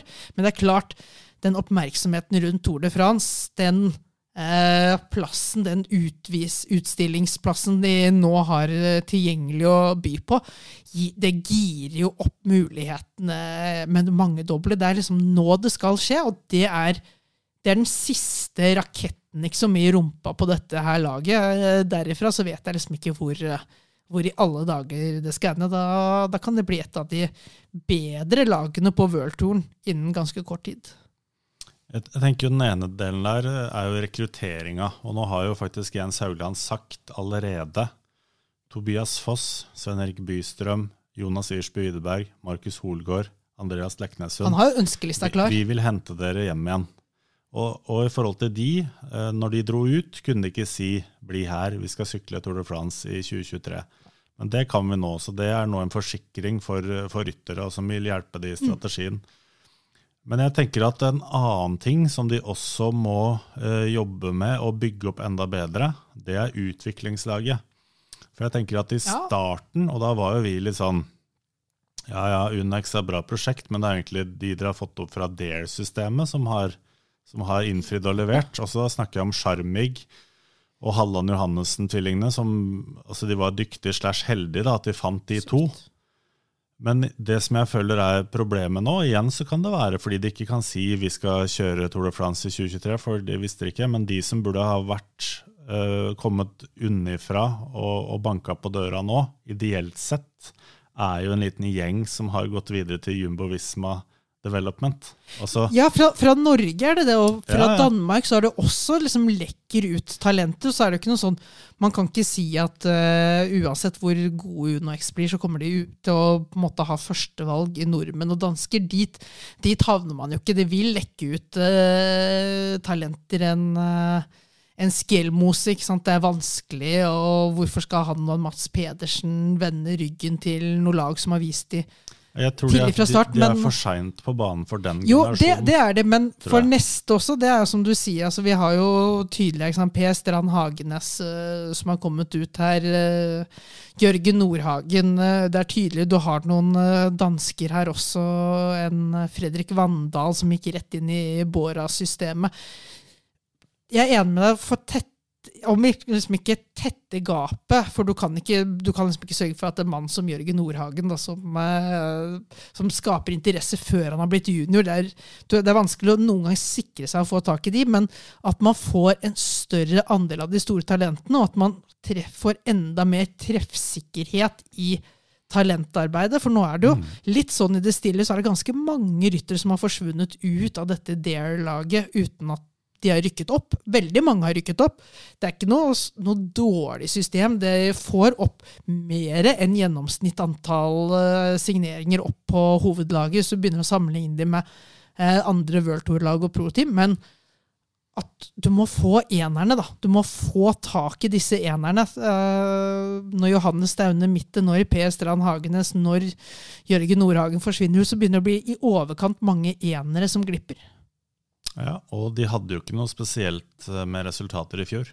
Altså, De har et bra rittprogram. Det er, altså, organisasjonen er jo helt grei, men jeg tenker at det er en, et punkt som de er nødt til å jobbe mer med. Fordi du ikke kan slippe de talentene der videre neste gang. Um, så er det jo Dette er jo et norsk lag. Norsk konsept, norsk sponsor. Det, den danske fraksjonen er en del av det, men jeg, jeg er litt sånn usikker på hvor, hvor eh, sterkt de står i Danmark.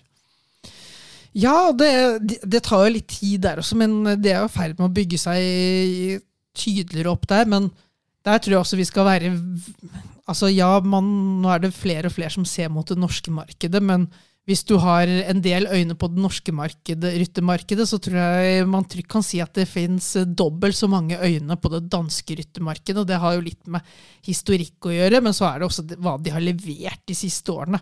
For der vi snakker om, om å gjøre å finne den nye Edvald Boasson Hagen, nye Alexander Kricht og kanskje nye Tobias Foss, så snakker jo de om å finne den nye Kasper Askren, å finne den nye Jonas Wingegård, finne den nye Mats Pedersen. Her snakker vi VM-titler, monumenter og Tour de France-seirer. Så det der er jo et glohett marked.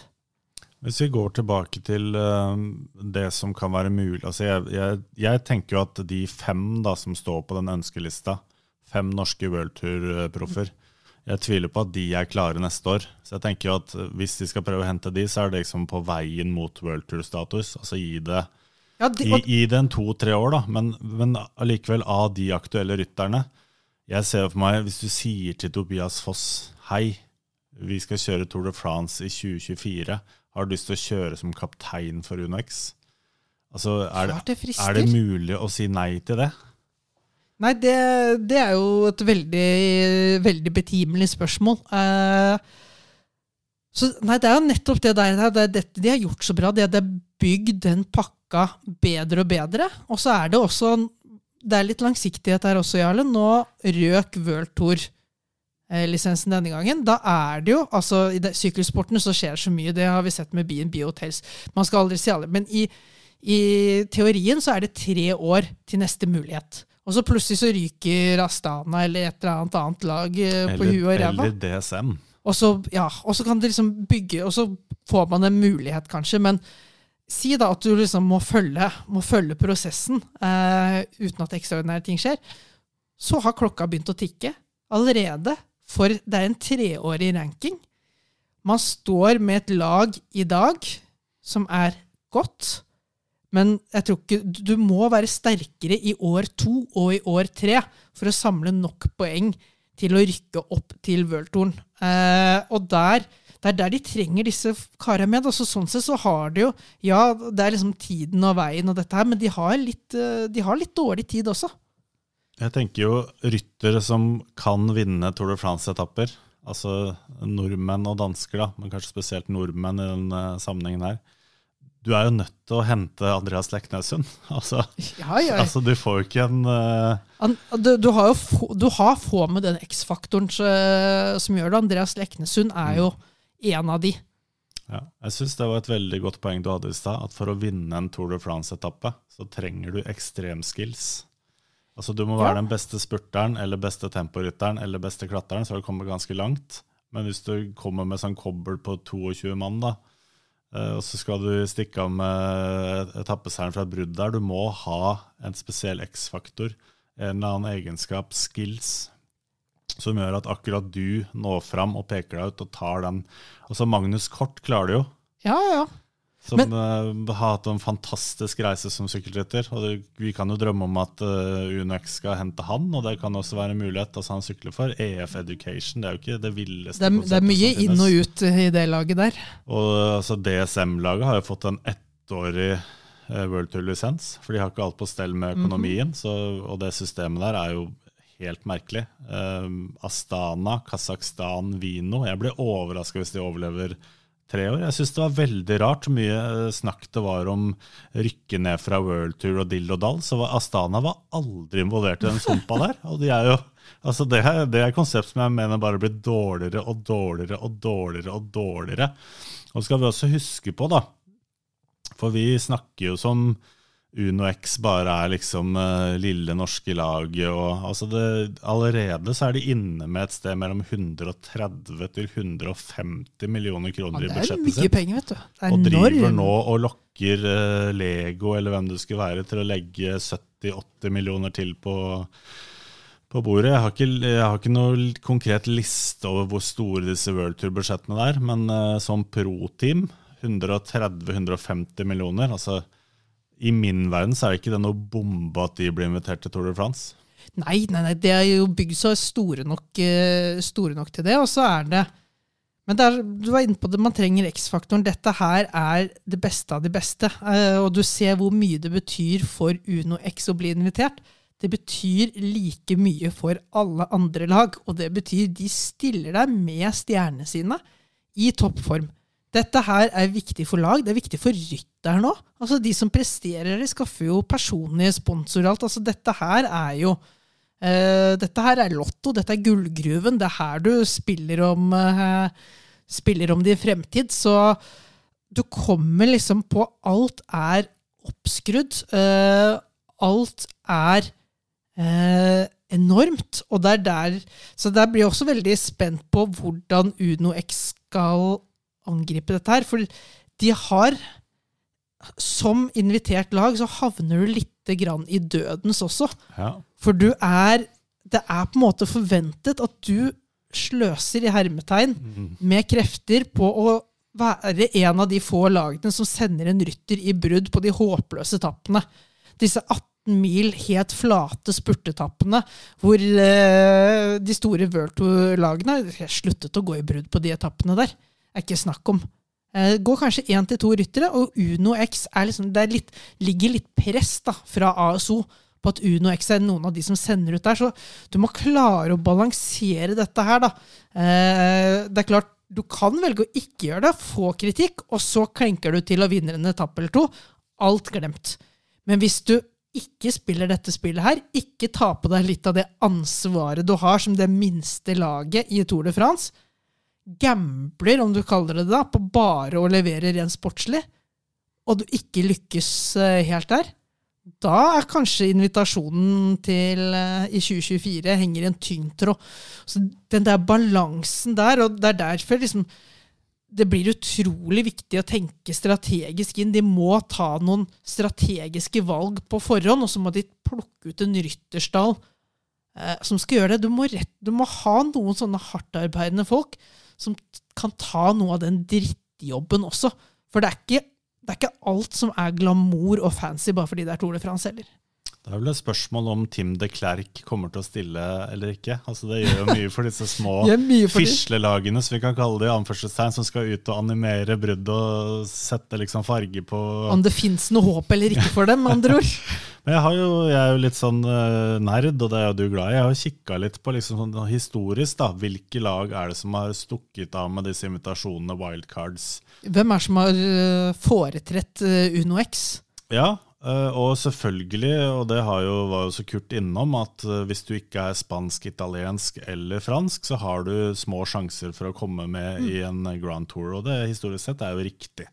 Så du har jo selvfølgelig Total Energies, Europe Car, hva det het en gang i tiden. Eh, Cofidis har vært med mange ganger. BNB Hotels ble foretrukket selv om Grand Tour-starten ble lagt til Danmark. Eh, og nå er det vel ett av de franske jeg har uh, glemt, men altså en tre til fire franske har du gjerne hatt med. Ja. Uh, men de som da skiller seg litt ut, da, og som det går an å sammenligne litt med Uno X, selv om jeg mener at Uno X har et ganske modent budsjett til å, til å være med det hitet her, så har du jo et lag som Vanti. De ble jo de ble jo invitert med ned hvert år fra 2017 til 2019. Eh, I 2019 så var jo eh, Grand Depart var i Brussel. Da skulle de feire at eh, Eddie Merckx Det var 50 år siden han tok sin første gule trøye i Tour de France. Men også de to åra som bygde opp det, til det, så ble de invitert. Og litt av greia der var jo at de markerte interesse for å oppgradere til World Tour-status seinere. Litt det samme hadde du i 2014 med et lag som het Team Nettopp Endura. Forgjengeren til Bora, er det det? Forgjengeren til Bora, som i 2015 og 2016 het Bora Argon, og som meldte ut at de skulle søke World Tour-lisens i 2017, og da endra de navn til Bora Hansgrohe. Og så har du i 2016 MTN Kubeka som pro-team. Litt det samme, de ble World Tour året før. Og så har du i 2014 I Am Cycling, som også hadde litt sånn forgreininger inn til Frankrike, og liksom ASO-vennlig, da, kan du si. Ja.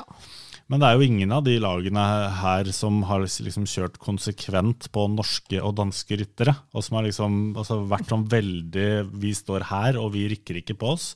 Så det skal også UnoX ha for. Altså De har ikke liksom Nei, nå henter vi kokk her, for da Da har vi plutselig det sportslige trekkplasset som trengs. Nei, de har jo de har vært veldig trofaste mot sin egen, eh, mot sin egen filosofi på akkurat det om, området der. Og, og, og når du ser litt noen av de, da, så ja, noen av disse lagene har kollapset. Andre har jo bygd seg opp. altså nå er jo et av verdens beste sykkellag. Vi må jo faktisk si det. Det er fortsatt litt sånn vanskelig å ta det inn over seg, men det er jo faktisk slik det er.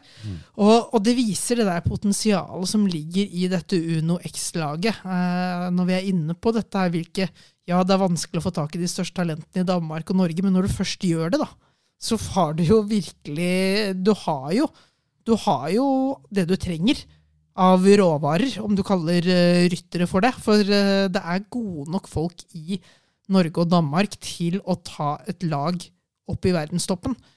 Så jeg tror jo det er på en måte der du sitter nå, da, og bygger sten på sten, og så møtt Jeg føler jo at UnoX møtte litt mer motstand i 2022 enn det som kanskje har eh, blitt snakket om. Eh, ikke bare at de ikke kom seg til Tour de France med start i Danmark. Ikke bare det at resultatene tørket litt ut på høsten, da en del av stjernene deres slet med skader og diverse. Men også det der med at de har slitt med å få inn denne sponsor, denne partneren, som kunne være med løfte det opp. For det, det blir det snakk om penger. altså Man kan vri og vende så mye man vil på det. Til slutt så blir det snakk om penger. Eh, og nå er det, nå klarte man da å få den her, Det var det som også var litt fint med å få denne Tour de France-invitasjonen så tidlig, at jeg føler det var med å snu en smått negativ trend allerede før sykkelsesongen startet. Nå kom det et nytt pust, nytt giv. En eh, heis som bare løftet de opp igjen eh, og på ny vei mot, eh, mot noen høyder eh, de ikke har vært på tidligere. Så dette, hele prosjektet trengte litt denne her vitamininnsprøytningen som Tour de France-invitasjonen var. Og sånn sett så er det liksom bare igjen bare å se med positivitet og offensivitet på hva det kan bli. Men du sa noe nettopp nå som jeg hadde tenkt å spørre deg om, faktisk. Og det er rett og slett eh, Hvis dette skulle bli et World Tour-konsept, du ser for deg at selv om det ikke er enerådende på det skandinaviske markedet, så er det ryttermateriell som er godt nok til å fylle opp en World Tour-stall på 30 ryttere, Ja. som skal konkurrere i, i tre Grand Tours, klassikerne og alt som, som hører med, som kun har ryttere fra Norge og Danmark. Ja. Altså du, I Grand Tour Ja. så har du 24 plasser, da. Du har eh, åtte ganger tre eh, som skal fylles. De 24 plassene kan liksom Du kan i worst case fylle de med 15 ryttere. Ja. Eh, mange som kjører eh, to av de. Eh, og så bygger du på med talenter og hjelpere, så at Uno X raskt kan komme opp til en stall som har 15-20 ryttere, som er kapable og har noe i en Grand Tour å gjøre. Og bredt nok i tillegg til å kunne være med på de store endagsrittene og ta for seg. Det tror jeg så absolutt Det er ikke så langt unna, men hvis du ser sånn som i år, da, så har du tatt steget på toppen, hentet inn Alexander Kristoff, lagt pengene sine der, og så har de ikke bygd så mye ekstra bredde, selv om de kvittet seg med en del av de som holdt lavest kvalitet. Der er jo det som blir jobben i fremover nå, å fylle på litt mer på bredden. Ja, gjerne få inn en stjerne eller to til, men det begynner som du du har noe virkelig på gang på toppen der, men som må få bygget opp under. Og så er det jo de som skal bli fremtidens uh, stjerner. Og så kommer en Søren Wærenskiold, så kommer en Stian Fredheim, så kommer en Anton Scharmig enda mer, så kommer en eh, Markus Hansen Alle disse her, da, som eh, danskene som også sitter her. William Blume.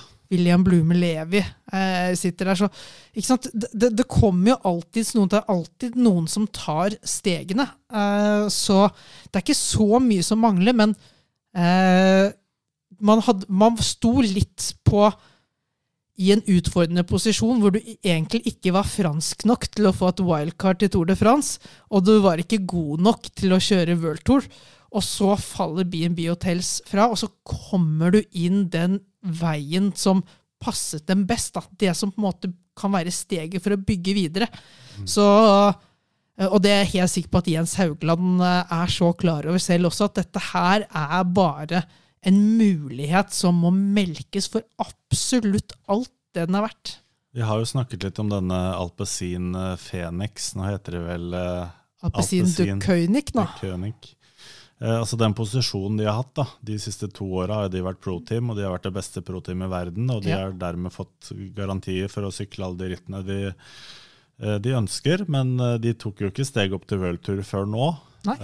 Men det er jo en veldig behagelig posisjon å ha, for da kan du takke nei til ting.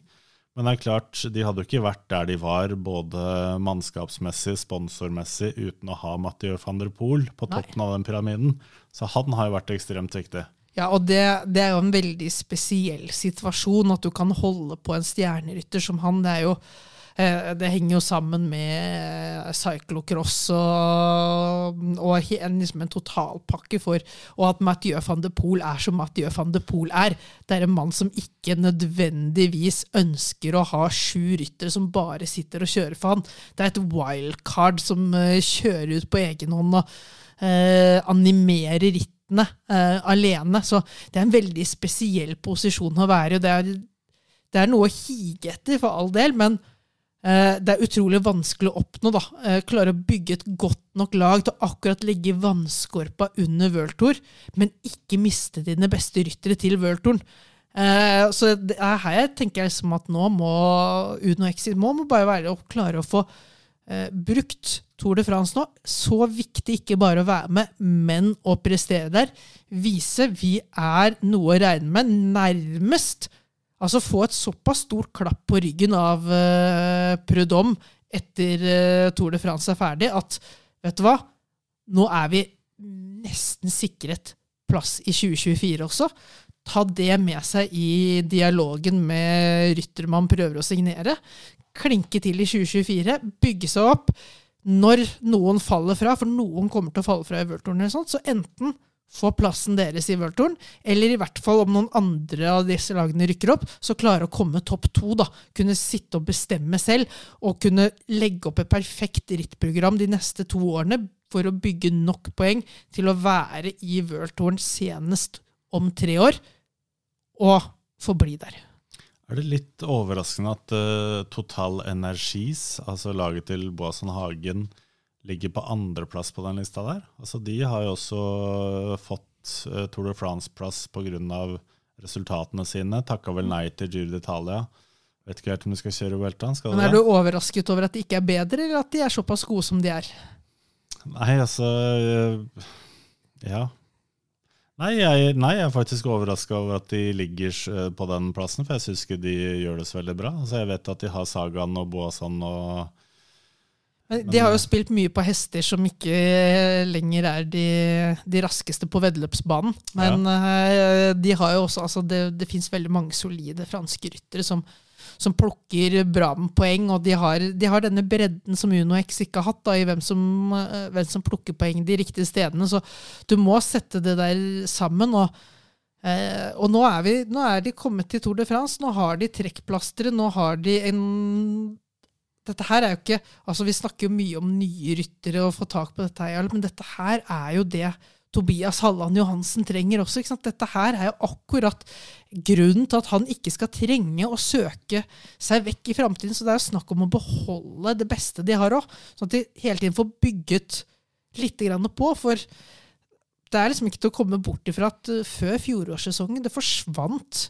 mye bredde. forsvant Jonas Iversby Widerberg, forsvant eh, Markus eh, Holgaard, det forsvant eh, Andreas Leknesund, det forsvant noen eh, ålreite dansker. Altså, Ja. det, de jobber fortsatt for å bygge opp bredden etter det. Eh, og de, det er det som er viktig nå, da, når de er på kurs oppover, at ikke man får det slaget ned, men at du hele tiden kan bygge videre på det du har. At det mer er de selv som bestemmer hvem som er med videre, og ikke rytterne selv da, som søker seg ut. Så denne Tour de France er så viktig for dem, og det er så viktig nå at de bruker det for alt det er verdt. Og de er, dette her er jo det, er de gode- er gode, det er de gode på, på Dette er jo PR-mennesker som Ja. ruller eh, på. Det er jo, dette er jo dette er jo akkurat, De har fått akkurat det de ønsker å jobbe med. Og du kommer til å få Uno X klistra i øya på deg gjennom hele den sesongen. Du kommer til å høre masse prat. Du kommer til å høre en, en gjentagende eh, tone. De kommer til å fortelle om alt de har oppnådd og prestert. Dette her er Eh, dette er ikke prosjekt til salgs, men dette er en salgsplass i prosjektet. Så dette her, de selger det hele veien eh, videre. Og sånn sett så er det de går inn i det absolutt viktigste året de har hatt noensinne. Det er om å gjøre å få mest mulig ut av denne muligheten, for du er ikke garantert at den dukker opp igjen. En ting som jeg syns er litt gøy, og nå føler jeg det er lenge siden vi var innom vedkommende, men uh, Torstein Træn Vi vet jo ikke om han skal til Tour de France per nå. Vi kan Hvis ikke han skal til Tour de France, så skjønner jeg anta- Vi kan anta at han skal dit. Og du har ingenting også sagt at du mener at han er det beste budet for å vinne en uh, etappeseier i Tour de France. Og han er jo en av de få som er del av originalbesetningen Yes. fra 2016. Det Det er den 27 ultimate år. historien for Uno X. Ja, det er, en fin, det er en fin historie. Det er den han, ultimate historien, Jarle. Det er jo Hollywood-scale på den historien. og han har også pådratt seg en del erfaring fra å kjøre etapperitt Ja. de siste åra. Han uh, har en topp ti-plassering fra Catalonia.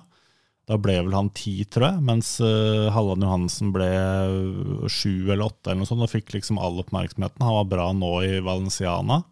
Han har en klatretrøye fra Tour of the Alps. Han har sittet med de beste colombianerne ja. i, på deres hjemmebane. Ja. Ja, men det som er med Torstein Treen, grunnen til at jeg trekker han fram som den jeg har størst tro på, er at han er han, han har spisskompetansen. Han er en veldig tydelig ryttertype. Eh, og noe av velsignelsen hans er at han er dårlig nok på det han er dårlig på, til at han kan fokusere på å være god nok på det han er god på.